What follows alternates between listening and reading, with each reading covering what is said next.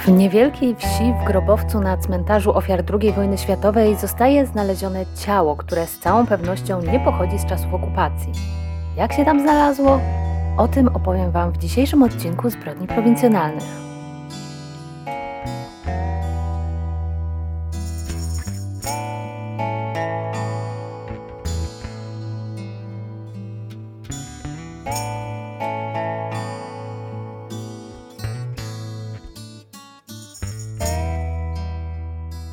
Odcinek nie będzie wbrew pozorom historią wojenną ani z czasów stalinizmu, będzie to historia z XXI wieku, która stanowi poniekąd epilog do historycznych wydarzeń, ale epilog taki zupełnie niezwiązany ze zbrodniami hitlerowskimi. Te historie łączy po prostu to samo miejsce. Jest to kolejny odcinek z naszych ferii z donosami, a zatem kolejna historia nadesłana przez Was na donosprowincjonalny małpa gmail.com. Za nadesłanie mi tej historii bardzo dziękuję Robertowi. Był 2008 rok. Polska żyła więc tematem budowy tarczy antyrakietowej, straciły ważność książeczkowe dowody osobiste. Był to też rok orkanów, tornad i trąb powietrznych, które poczyniły spustoszenia w kilku częściach Polski. Tornado przeszło też przez giełdy, bo mówimy o czasach światowego kryzysu gospodarczego, ale to też rok wybuchu konfliktu zbrojnego w Osetii Południowej i w Gruzji, i to akurat, kiedy w Pekinie trwały letnie Igrzyska Olimpijskie, co o tyle zwróciło moją uwagę, że w tym roku mieliśmy zimowe Igrzyska też w Pekinie. I w trakcie tych igrzysk pojawiły się wszystkie te przerażające wiadomości o zbliżającej się agresji Rosji na Ukrainę. Także dziwne podobieństwo. Poza tym w modzie były grzywki. Na pierwszym miejscu listy przebojów Billboard był utwór Low, rapera o pseudominie Florida, Komple kompletnie tego utworu nie kojarzę.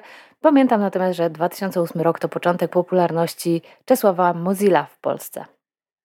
Dzisiejsze wydarzenia dzieją się na terenie Jasła, to znaczy miasta Jasła, ale też gminy Jasło, we wsi, która jest położona w tej gminie zaraz za miastem, czyli we wsi Warzyce. Jeśli chodzi o gminę Jasło, to w 2008 roku nie było tu najlepiej z pracą. Bezrobocie wynosiło 16,7%, także zdecydowanie powyżej średniej krajowej, która wówczas wynosiła 9,5%, także też dosyć dużo. Wynagrodzenia były dość marne, bo przeciętne wynagrodzenie wtedy to 2,5 tysiąca.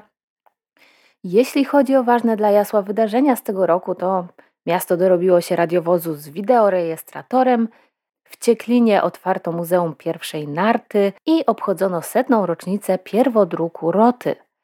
Tak się bawiło Jasło w 2008 roku.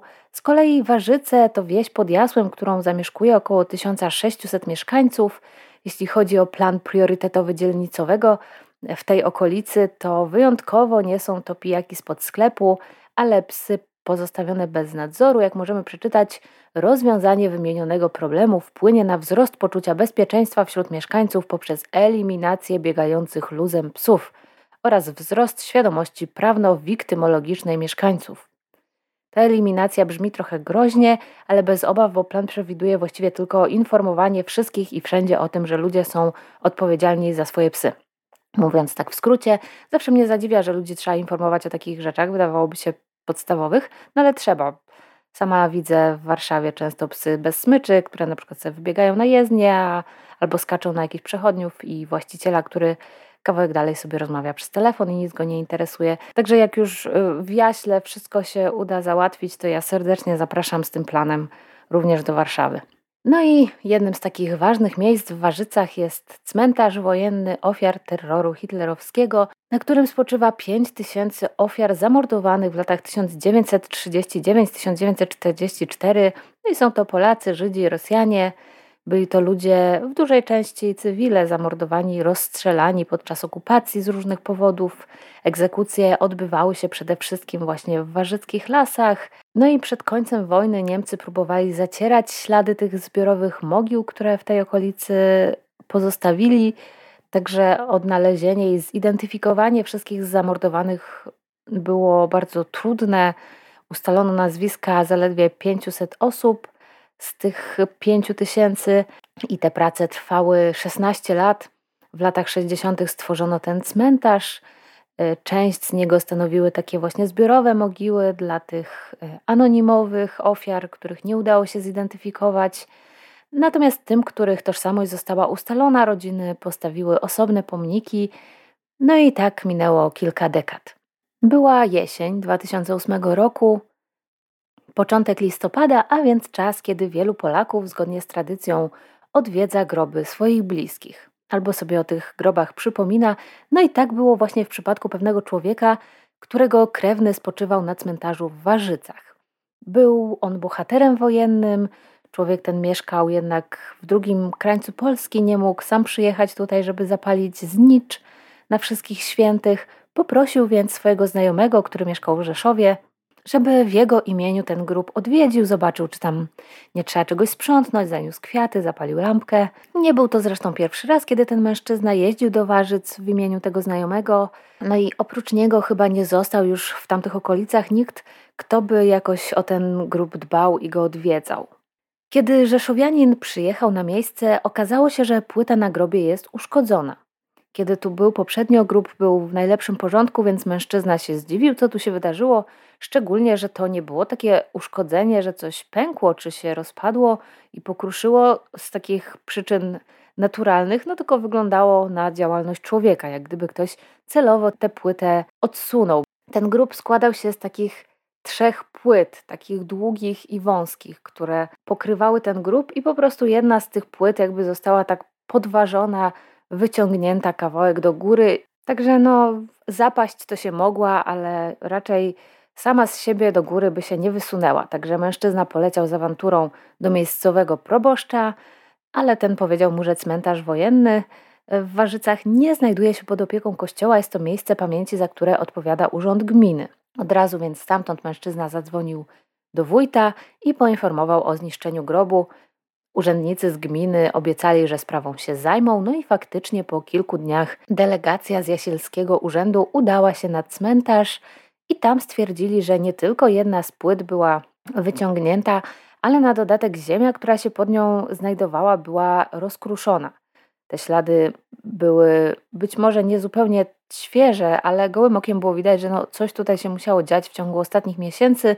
Ktoś musiał tutaj kopać, coś majstrować, dobierać się było jasne, że doszło do jakiegoś naruszenia tego miejsca pochówku, także urzędnicy postanowili już niczego więcej tutaj nie ruszać i wezwali policję. Policjanci zdjęli tę naruszoną płytę i zobaczyli, że z ziemi pod nią wystaje ludzka kość. To znaczy, że wystaje jakaś kość. No, w pierwszym momencie jeszcze nie wiedzieli, czy ona jest ludzka, natomiast bardzo szybko się dowiedzieli, bo pod wierzchnią warstwą ziemi odkryto zwłoki.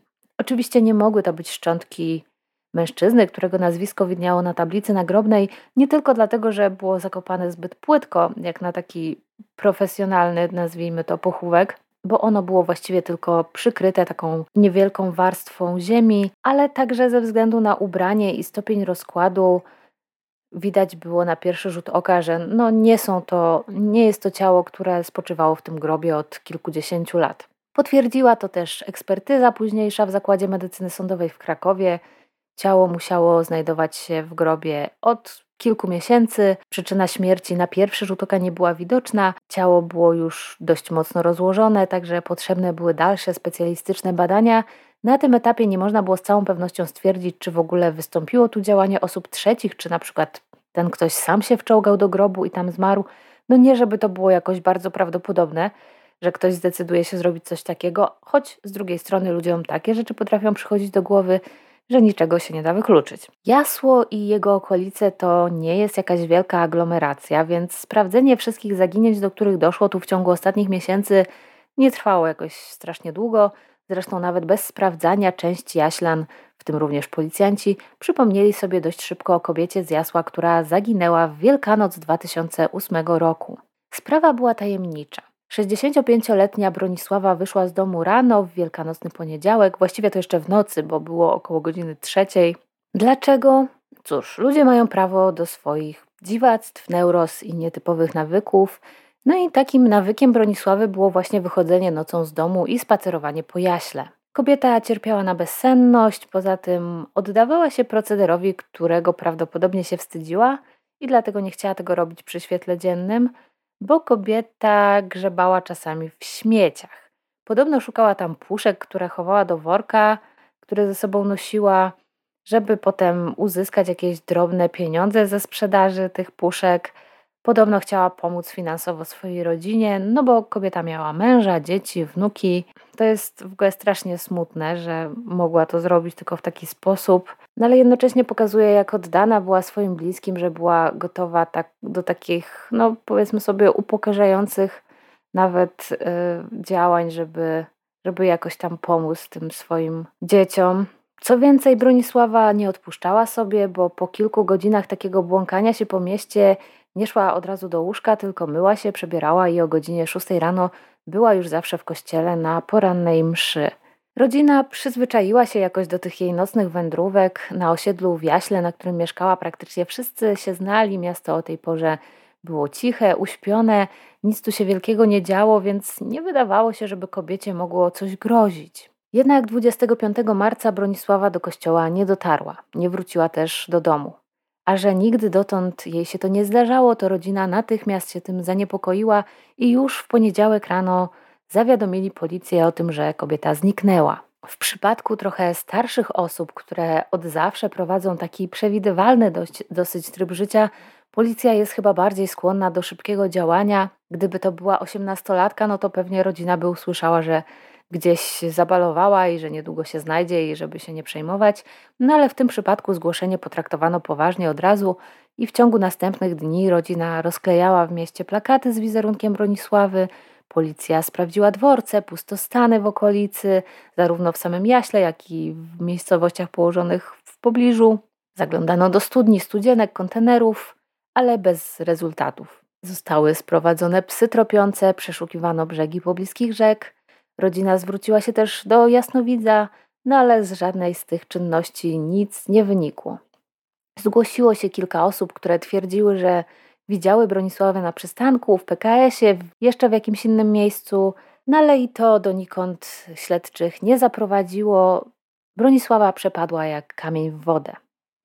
Wszyscy zastanawiali się, czy podczas tych nocnych wędrówek po jaśle kobieta nie była przypadkiem świadkiem czegoś, czego nie powinna zobaczyć. Bo na przykład kilka dni wcześniej podczas jednej ze swoich eskapad Bronisława była świadkiem napadu na sklep mięsny, który stał przy jej ulicy. Jednak sprawców tego napadu złapano na gorącym uczynku, więc trudno przypuszczać, żeby jej zaginięcie mogło jakoś z tą sprawą się wiązać. Kobieta nawet nie była przez policję przesłuchiwana, sprawcy zostali schwytani, no ale może wydarzyło się coś innego. Policji nie udało się tego ustalić, no i tak minęło 8 miesięcy. Śledztwo nie przyniosło żadnych rezultatów, rodzina nadal miała jednak wbrew wszystkiemu nadzieję, że Bronisława żyje. No i wtedy zgłosiła się do nich policja z ubraniami, które zostały wykopane z grobu w Warzycach i nie mieli wątpliwości, że były to właśnie rzeczy ich matki, babci i żony.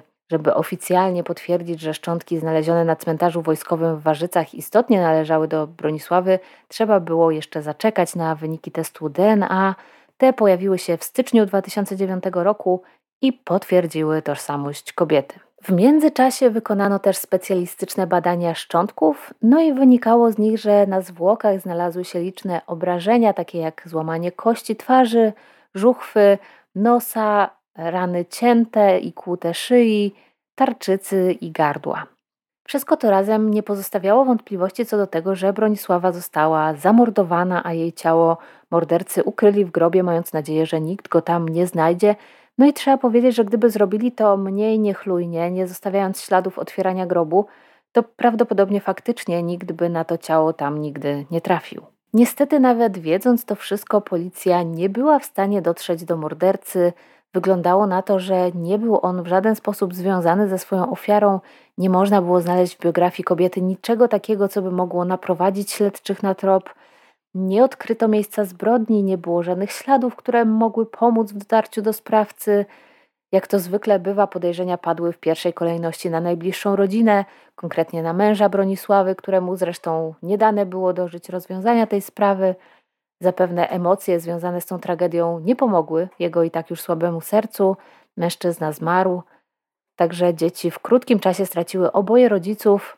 Te dzieci były już dorosłe, miały własne dzieci, ale oczywiście to nadal jest coś bardzo trudnego i bolesnego, nawet jeśli się jest dorosłym. No i niestety w listopadzie 2009 roku sprawa została umorzona. Ale na szczęście umorzona nie na tak długo. Policja otrzymała bowiem informację, która okazała się przełomowa dla tej sprawy.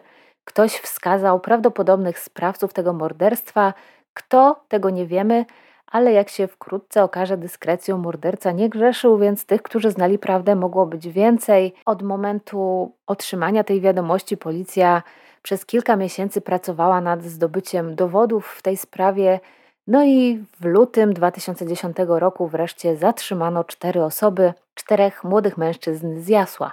Dzięki ich zeznaniom udało się wreszcie ustalić, jak wyglądała ostatnia noc w życiu Bronisławy. No i nie muszę Wam chyba mówić, że nie jest to przyjemna opowieść. Niespełna 18-letni Tomasz i 20-letni Grzegorz byli znajomymi z jednego miasta, z Jasła. Była to relacja raczej taka luźna, nie przyjaźnili się, ale mieli jakiś wspólny krąg znajomych. Tego wieczoru wspólnie wybrali się na dyskotekę do pobliskiego Brzostka. To był pomysł Grzegorza, który chciał zabrać na zabawę swoją dziewczynę, ale nie chciał jechać tam tylko z nią, może wolał mieć przy sobie jakiegoś kolegę na wypadek, gdyby tam się coś wydarzyło, jakaś bójka. No, na takich wiejskich zabawach może czasem się zrobić niebezpiecznie. Znaczy, Brzostek to nie jest wieś, to jest miasto, żeby nie było. No ale ostatecznie do Brzostka pojechali samochodem Grzegorz z dziewczyną, Tomasz z dziewczyną i jeszcze ich jedna koleżanka. Grzegorz i jego dziewczyna nie chcieli zostawać zbyt długo, on ponieważ nie za bardzo mógł pić, no bo prowadził. Nie wiem, czy w ogóle nie pił, czy tam napił się jakoś symbolicznie. No w każdym razie koło godziny 12 Grzegorz i jego partnerka wrócili do Jasła. Reszta towarzystwa została na zabawie. Nie jestem pewna, czy taki był plan, czy tak wyszło już na miejscu, że część wraca, część zostaje ale do tego momentu wszystko wygląda jeszcze w miarę ok. Grzegorz odwiózł swoją partnerkę do domu, sam też zamierzał już zakończyć wieczór, był już w drodze do swojego domu. No i gdyby tam dotarł, gdyby tak się stało, to kilkanaście osób wiodłoby dzisiaj o wiele szczęśliwsze życie. Niestety zadzwoniła jego komórka, po drugiej stronie była dziewczyna Tomka, która prosiła Grześka, żeby przyjechał do Brzostka, bo Tomek nie ma jak wrócić do domu. Wyglądało na to, że chłopak trochę przesadził z alkoholem, przysnął, urwał mu się film, zrobiło mu się niedobrze, więc jego dziewczyna, delikatnie mówiąc, nie była tym zachwycona. Pokłócili się, wkurzyła się, że zepsuje jej zabawę, że zrobił trzodę i w końcu zostawiła go w tej dyskotece, a sama wróciła z jakimiś innymi znajomymi. Dla Tomka nie wiem, czy nie było już miejsca w samochodzie, czy ci znajomi go w takim stanie nie chcieli wieść czy po prostu zrobiła mu na złość i nie chciała już na niego dłużej patrzeć. W każdym razie Tomek ostatecznie został w tym brzostku sam, no ale ta jego dziewczyna widocznie żywiła jeszcze dla niego jakieś resztki ludzkich uczuć. Może jak trochę ochłonęła, to jej się głupio zrobiło, że on tam został sam w takim jeszcze stanie nie za bardzo ogarniętym i zaczęła szukać dla niego jakiegoś transportu i ostatecznie to właśnie Grzegorz musiał wrócić po Tomasza. Od tego miejsca w Jaśle, w którym mieszkała Bronisława, do Brzostka było około 20 kilometrów. Także dotarcie z powrotem na dyskotekę zajęło Grzegorzowi pewnie, pewnie koło dwudziestu paru minut. Tomasz był trochę pijany. Później w czasie śledztwa jego historia brzmiała nieco mniej składnie.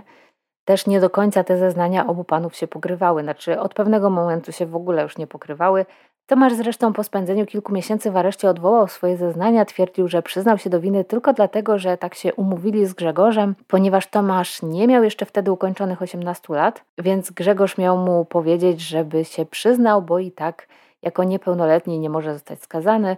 No, okazało się, że to nie jest do końca prawda, to nie do końca tak działa. Tomasz miał już według rocznika 18 lat. Gdyby miał 15, no to być może rzeczywiście tak by to wyglądało. Więc to, co się działo dalej, trzeba sobie jakoś wywnioskować z tych dwóch wersji, które opowiadali obaj panowie, i być może nie będzie to takie w 100% prawdziwe. No, tak, to, tak jak to zresztą bywa chyba w większości zbrodni, o których dowiadujemy się od samych morderców.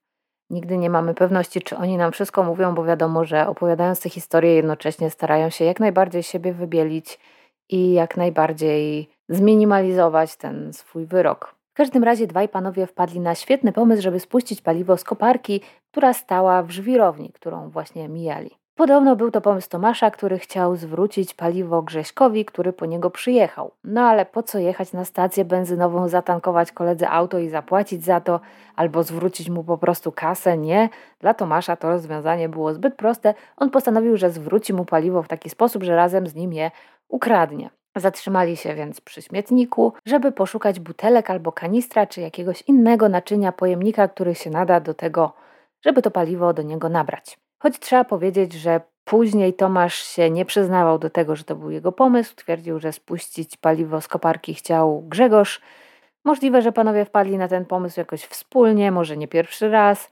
No ale przed prokuratorem żaden się specjalnie tym nie chciał chwalić, więc tak próbowali sobie nawzajem przypisać ten świetny pomysł. Czyj on ostatecznie był, już pewnie nie dojdziemy, ale nic nie wskazuje na to, żeby którykolwiek z nich się sprzeciwiał, protestował i nie chciał tego zrobić, więc to od kogo to wyszło tak naprawdę nie ma większego znaczenia. I tu według zeznań Grzegorza Tomasz wysiadł z samochodu i przy śmietniku spotkał kobietę, która wyglądała tak, jak gdyby przyszła tu wyrzucić śmieci.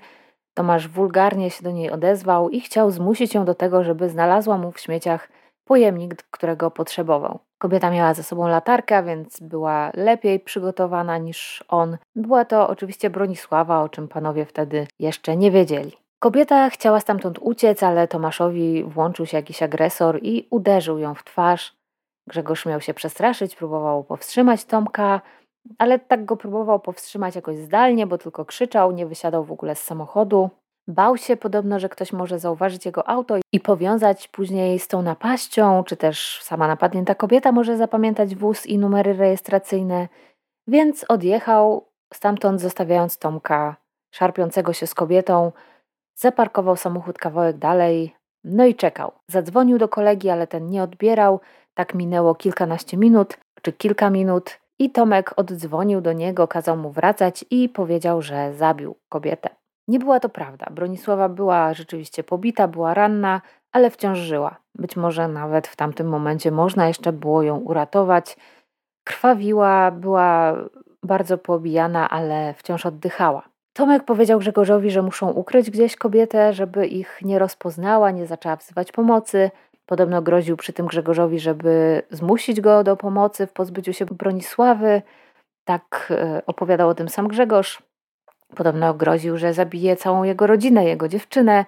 Tomasz tej wersji oczywiście nie potwierdził. Powiedział, że to Grzegorz, podjeżdżając do śmietnika, nie włączył świateł w samochodzie, żeby ich nikt nie zobaczył i przez to nie zauważył kobiety, która tamtędy przechodziła. Potrącił ją. Panowie spanikowali, najpierw mieli ją przenieść na śmietnik, później postanowili, że zabiorą ją do samochodu i zostawią gdzieś pod szpitalem, żeby ktoś jej pomógł. Jednak kobieta mocno krwawiła, więc bali się, że w samochodzie mogą zostać ślady krwi, dlatego zamiast na tylnym siedzeniu położyli ją w bagażniku, ale po drodze się wystraszyli mijanego radiowozu. Grzegorz bał się, że może ich ktoś zobaczyć, gdy będą wynosić tę kobietę z samochodu, więc pojechali dalej, nie mając jeszcze żadnego sprecyzowanego pomysłu, co zrobią. Po prostu szukali jakiegoś odludnego miejsca, w którym będą mogli kobietę z tego bagażnika wyjąć. No i oczywiście co do tego, kto wpadł na pomysł ukrycia kobiety w starym grobie, też zgodności nie było. Obaj panowie wskazywali na siebie wzajemnie. Czyj by ten pomysł nie był, Bronisławę zawieźli ostatecznie, wiemy już gdzie, na cmentarz w Warzycach. Podobno żaden z nich wcześniej o jego istnieniu nie wiedział, jechali tak na pałę, rozglądając się za jakimś odludnym miejscem, które by pozwoliło im na ukrycie kobiety z bagażnika. I wtedy zobaczyli stary cmentarz na uboczu, w cieniu drzew, i to miejsce wydało im się idealne do tego celu. Znaleźli trochę po omacku grób, który dało się otworzyć. Przynieśli ciało z samochodu. Kobieta cały czas jeszcze żyła.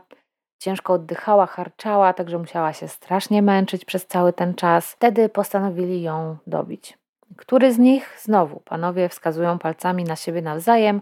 Niezależnie od tego, który to zrobił, zrobił to w sposób straszny, wpychając jej do gardła kawałek szkła ze stłuczonego znicza i zaciskając jej gardło, kiedy to szkło już tam w środku było.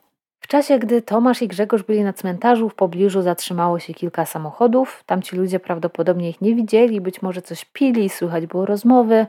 Samochód Grzegorza był zaparkowany po drugiej stronie, gdzieś pod drzewami, więc też nie było go widać. Także pewnie tamci nie zdawali sobie sprawy z ich obecności, no ale mordercy oczywiście się tego przestraszyli, niecierpliwili się, denerwowali, bali się, że zostaną przyłapani, także musieli jak najszybciej ukryć to ciało kobiety, która już teraz no naprawdę nie żyła. Nie wiadomo do końca w jakich okolicznościach i dlaczego panowie się rozdzielili. Grzegorz, Grzegorz wsiadł do samochodu i odjechał, zostawiając Tomasza na cmentarzu samego. Jak gdyby nigdy nic, odebrał telefon od swojej mamy, która niepokoiła się, że tak późno go nie ma jeszcze w domu. Powiedział jej, że już jedzie do Jasła i faktycznie pojechał. Nie oglądając się na Tomasza, który musiał w tej sytuacji złapać stopa na drodze, tak z punktu widzenia konspiracji był to bardzo zły pomysł, bo chłopak miał na ubraniu ślady krwi, mógł wzbudzić czyjeś podejrzenia, kolejni świadkowie mogli go zobaczyć w pobliżu miejsca ukrycia ciała. No ale Grzegorz prawdopodobnie spanikował i w ogóle o tym nie myślał, albo się tam pokłócili, nie wiem. Pewnie był w szoku, pewnie obaj byli w szoku. Może Grzegorz nie chciał już dłużej na Tomasza patrzeć, może się wystraszył. Nie wiem, trudno stwierdzić, dlaczego tak się wydarzyło. Z Warzyc do tego osiedla, na którym mieszkał Tomasz, było jakieś 7-8 kilometrów, więc w sumie można taki dystans przejść na piechotę. W każdym razie Tomasz jakoś wrócił, z Grzegorzem się nie kontaktował tego dnia. Jakoś chwilowo chyba mieli swojego towarzystwa dosyć. Minął lany poniedziałek, no i teraz następuje najbardziej idiotyczny moment w całej tej sprawie. We wtorek Tomasz stwierdził, że jakoś tak ma ochotę się komuś pochwalić tym, co zrobił, zwierzyć, no bo przecież to ma sens, prawda? Ukrywasz ciało, robisz wszystko, żeby się nikt nie dowiedział, a potem łapiesz dwóch łebków z osiedla, obaj mają po 16 lat, jacyś goście, z którymi chodziłeś do podstawówki, spotykacie się na browara i mówisz, no ziomki z podstawówki, jak tam wam minęły święta, bo ja to w lany poniedziałek zamordowałem jedną babę na śmietniku i sobie przy tym dżinsy strasznie ujebałem krwią. Opatrzcie. I to mówiąc, Tomasz wyciąga swoje spodnie całe we krwi i błocie, i pokazuje tym gościom, których zna z podstawówki, z którymi w ogóle nie utrzymuje kontaktu od jakiegoś czasu, bo on ze sobą na to spotkanie zabrał te spodnie, które są dowodem zbrodni, bo to ma sens, prawda? Ja też zawsze noszę przy sobie jakieś brudne ciuchy na wypadek, jakbym spotkała jakichś znajomych i im chciała pokazać, nie? Tych dwóch łebków to nawet nie byli jacyś jego dobrzy znajomi, jak już powiedziałam, żadni przyjaciele, po prostu jakieś tacy goście z osiedla, których tam piąte przez dziesiąte znał. Ich relacje towarzyskie od dłuższego czasu ograniczały się do mówienia sobie cześć, a tu taka bomba. Teraz oprócz cześć Tomasz mówił im, ej obczajcie moje zakrwawione spodnie, a tak w ogóle to ile lat można dostać za morderstwo. No kurde, to w internecie trzeba było sobie sprawdzić albo w bibliotece, a nie pytać o to jakichś przypadkowych ludzi z osiedla. Ale to jeszcze nie koniec, bo wieczorem tego dnia Tomasz wziął ze sobą łopatę i razem z Grzegorzem podjechali samochodem pod blok tych dwóch ziomków, zabrali ich na wycieczkę do Warzyc, bo Tomek chciał im udowodnić, że mówi prawdę i pokazać im, żeby na własne oczy się przekonali. No i udowodnił im. Zaprowadził ich na cmentarz, podniósł płytę i mówi: Patrzcie, tam leży ta kobieta. No i rzeczywiście leżała. No. Nie mam pojęcia, po co on to zrobił. Brzmi to po prostu tak idiotycznie, że aż trudno uwierzyć, że ktoś, że ktoś jest tak bezmyślny. Co więcej, następnie zmusił kolegów, żeby mu pomogli lepiej to ciało ukryć, no bo w tamtym momencie nie było jeszcze przysypane ziemią, ta płyta była jakoś bardziej podniesiona. Także w każdej chwili ktoś mógł tam te, te szczątki zobaczyć. Znaczy jeszcze nie szczątki, no jeszcze to było ciało.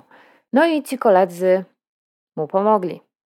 Dla większości ludzi niezrozumiałe było dlaczego. W końcu z tym morderstwem nie mieli nic wspólnego do tamtego momentu. Tomek nie był nawet ich bliskim kolegą. Ale jak sami później twierdzili, po prostu się bali. Facet właśnie pokazał im kobietę, którą zamordował. Byli z nim sami na pustym, ciemnym cmentarzu w nocy. Obok leżało martwe ciało, okropnie zmasakrowane. Obok nich stał morderca ze szpadlem, a jego wspólnik przywiózł ich tu autem i czekał pod cmentarzem. Na pewno znaleźli się w sytuacji nie do pozazdroszczenia, co do tego nie mam wątpliwości. Mogli uciec, ale jak zauważył później jeden z nich, co by to zmieniło? Bronisławie już i tak pomóc nie mogli, no i to jest akurat prawda, choć po powrocie mogli przecież zawiadomić policję, ale nie zawiadomili.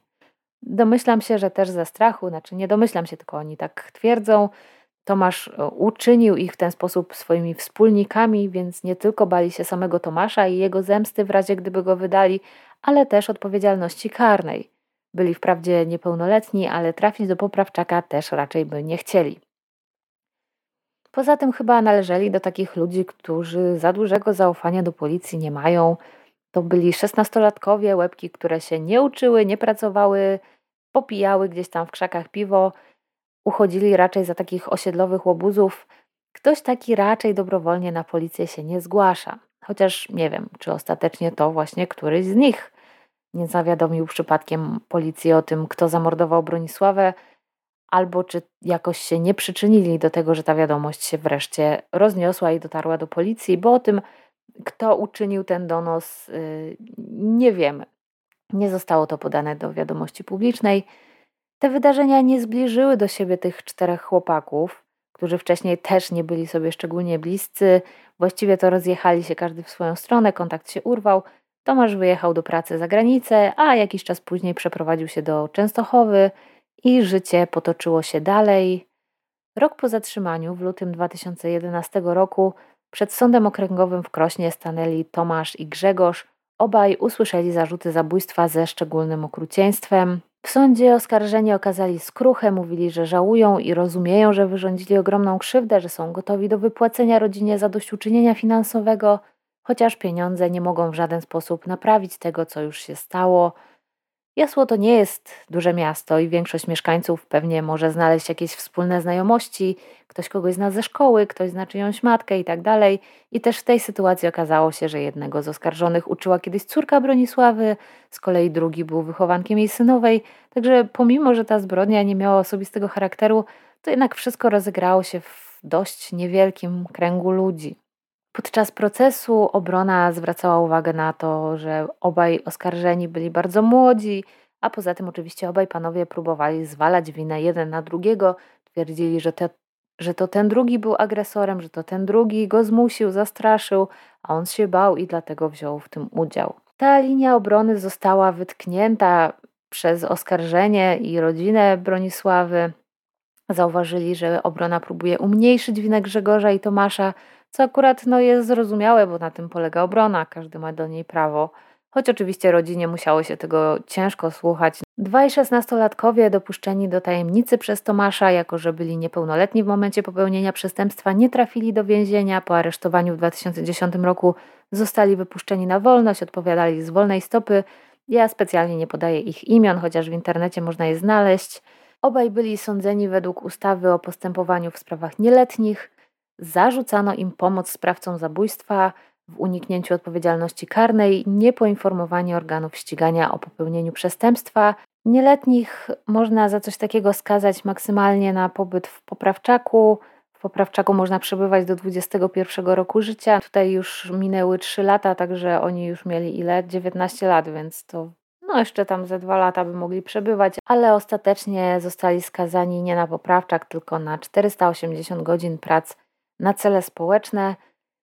Dla wielu ta kara, którą ci dwaj dostali, była zdecydowanie za niska. Oczywiście połowa komentujących wydała już na nich wyrok śmierci, ale prawo jest takie, jakie jest. Mieli 16 lat, nie można ich wsadzić do więzienia. Istnieje coś takiego jak sądzenie młodocianych, tak jak dorosłych, natomiast to tylko w przypadku tych najcięższych przestępstw, a oni o to najcięższe przestępstwo nie byli oskarżeni, bo w samym morderstwie oni udziału nie brali. Oni nawet nie byli świadkami tej zbrodni, nie uczestniczyli w niej w żaden sposób, dowiedzieli się o wszystkim po fakcie, zostali w tę historię wciągnięci trochę tak bezwiednie, też no, z powodu własnej jakiejś takiej bezmyślności, ale no na pewno ich wina tutaj jest czymś innym niż w przypadku Grzegorza i Tomasza.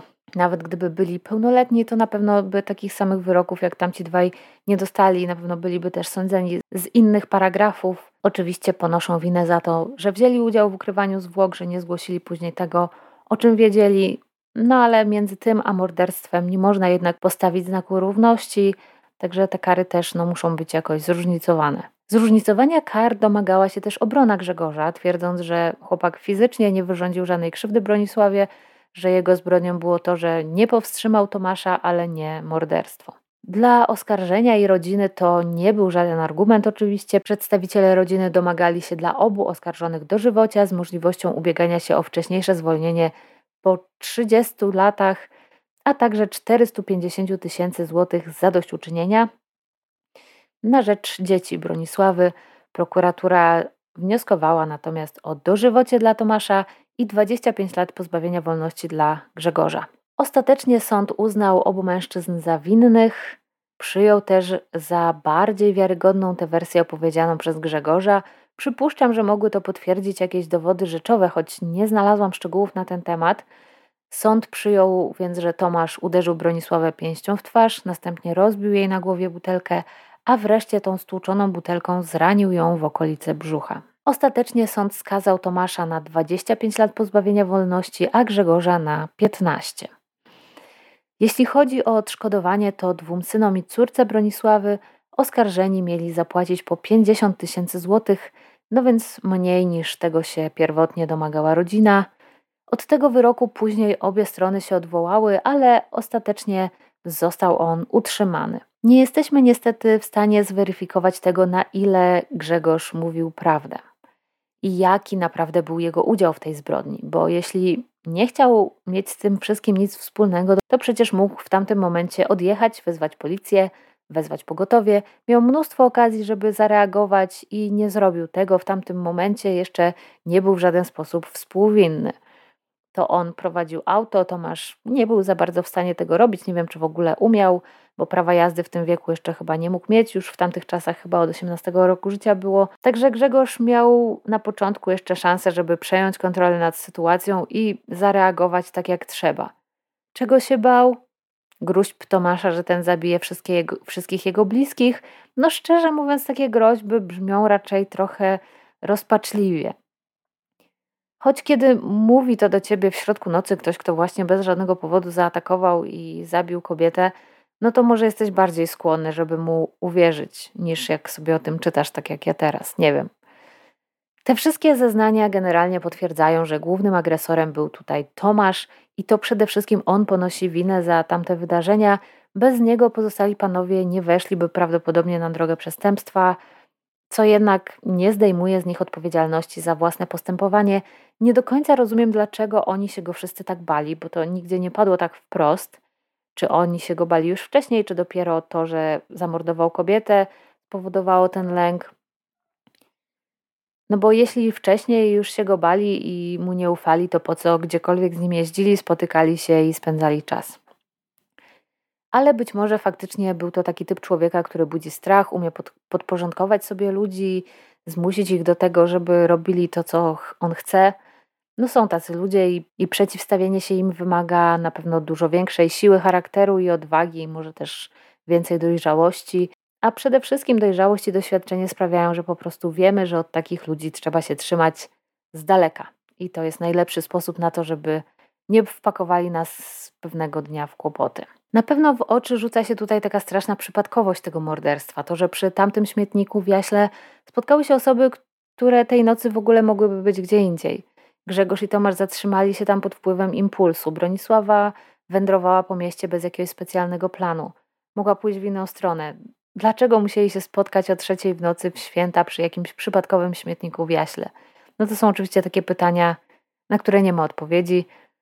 Często widzę w komentarzach, że ktoś ma mi za złe, że próbuje bronić morderców zamiast ich potępić i powiedzieć, że powinno się ich zamordować, tak samo jak oni zamordowali swoje ofiary. Ale mnie zawsze intryguje ten moment, który przesądza o tym, czy ktoś stanie się mordercą, czy nie. I w tej sprawie właśnie był to dosłownie moment, taki moment, który zmienił życie wielu osób. Opinia publiczna często przedstawia morderstwa bardzo zero-jedynkowo. Morderca to jest ktoś zły do szpiku kości, Zły tak po prostu, sam z siebie, od urodzenia, jak czarne charaktery z komiksu. Nie człowiek, tylko jakiś potwór. Kto, ktoś, kto wyrządza zło, bo sprawia mu to przyjemność, bo lubi krzywdzić innych. Ktoś, kto jak w serialu kryminalnym ma zaplanowany każdy krok, wszystko robi z premedytacją. Ale prawda jest taka, że większość morderców taka nie jest. Wielu z nich zostaje mordercami, bo znaleźli się w pewnych okolicznościach, bo znaleźli się w takim, a nie innym środowisku, w tym, a nie innym miejscu. I o tym, czy ktoś zostanie mordercą, czy nie, decyduje czasem jedna decyzja. Czasem jest to decyzja podejmowana pod wpływem ogromnego stresu, decyzja, nad którą nie można się zastanowić, bo wszystko się dzieje bardzo szybko. Nieraz trzeba podjąć taką decyzję w bardzo młodym wieku, pod wpływem alkoholu, pod wpływem jakichś innych używek. I to, jak się zachowamy w tej chwili, ta jedna decyzja tak naprawdę staje się granicą między mordercą a człowiekiem, który mordercą nie jest. I wcale nie jest tak trudno te granice przekroczyć. Łatwo jest okrzyknąć się wszechwiedzącym sędzią i wypisywać komentarze, że trzeba wyrwać chwasta. Swoją drogą prawidłowa odmiana to jest wyrwać chwast. O wiele bardziej przerażające jest wyobrażenie sobie siebie w takiej sytuacji i dojście do wniosku, że nie wiem, jak ja bym się zachował albo zachowała. Czy wystarczyłoby mi odwagi, żeby powiedzieć stop, żeby stanąć w czyjejś obronie, żeby wezwać policję, kiedy nasz znajomy na naszych oczach popełnił przestępstwo? Żeby zgłosić przestępstwo, jeśli oznacza to, że samemu narazimy się na podejrzenia, może na zarzuty, może nawet na więzienie, albo przynajmniej na jakąś agresję ze strony tego, kogo wsypiemy. Fajnie jest sobie wyobrażać, że tak jest, że jesteśmy odważni, że postępujemy zgodnie z naszymi zasadami moralnymi, a nie tylko o tych zasadach mówimy. Ale czy na pewno jesteśmy i czy na pewno nie bylibyśmy zdolni do tego, żeby przekroczyć tę granicę, którą tamtej nocy przekro przekroczył Grzegorz? Myślę, że niewielu z nas miało w życiu okazję, żeby tak naprawdę w takiej granicznej sytuacji się znaleźć i to sprawdzić. I niewielu z nas może z całą pewnością stwierdzić, że tak na pewno wyszedłbym, wyszłabym z takiej sytuacji jako ten bohater pozytywny. Dlatego chyba najlepsze, co możemy zrobić, to zadbać o to, żeby w takich sytuacjach się nie znajdować, żeby ich unikać i nie musieć tego nigdy sprawdzać. Trzymać się z daleka od ludzi i miejsc, które potencjalnie bardziej niż inne mogą generować kłopoty. Problem w tym, że kiedy mamy lat kilkanaście, dwadzieścia, kiedy dopiero wchodzimy w dorosłość, to często takie miejsca najbardziej nas przyciągają i tacy ludzie wydają nam się najciekawsi. A to zwiększa nasze szanse na kłopoty. I dlatego szczególnie w przypadku młodych ludzi zawsze jest mi szkoda tego zmarnowanego potencjału i tego, że ten jeden moment na tak wczesnym etapie zaważył na ich dalszym życiu, a do tego jeszcze przysporzył cierpienia i zniszczył życie innym ludziom i to nie chodzi tutaj o usprawiedliwianie tych ludzi, bo, bo ja nie, nie mam potrzeby i nie mam powodu, żeby ich usprawiedliwiać. Po prostu patrzę na to z jakiejś takiej szerszej perspektywy i staram się dostrzec w tym pewne mechanizmy, którym podlegamy my wszyscy. Choć oczywiście jedyną ofiarą jest w tej sprawie Bronisława i to jej i jej rodzinie należy się współczucie i Bronisława nikomu nie zrobiła nic złego, w żaden sposób nie zasłużyła sobie na taki los, jaki ją spotkał. I to już chyba wszystko, co Wam chciałam dzisiaj powiedzieć. Jeszcze raz dziękuję Robertowi za zainteresowanie mnie tą sprawą. Dziękuję patronom za całe wsparcie. Gdyby ktoś z Was jeszcze chciał dołączyć do grona wspierających zbrodnie prowincjonalne, to zapraszam na mojego patronajta. Link jest w opisie. W tym tygodniu pojawi się nowy odcinek dla patronów z drugiego i trzeciego progu. W opisie odcinka znajdziecie również link do wszystkich źródeł, z których korzystałam, żeby przygotować ten odcinek. A tymczasem dziękuję Wam za uwagę i zapraszam na kolejne odcinki Zbrodni Prowincjonalnych.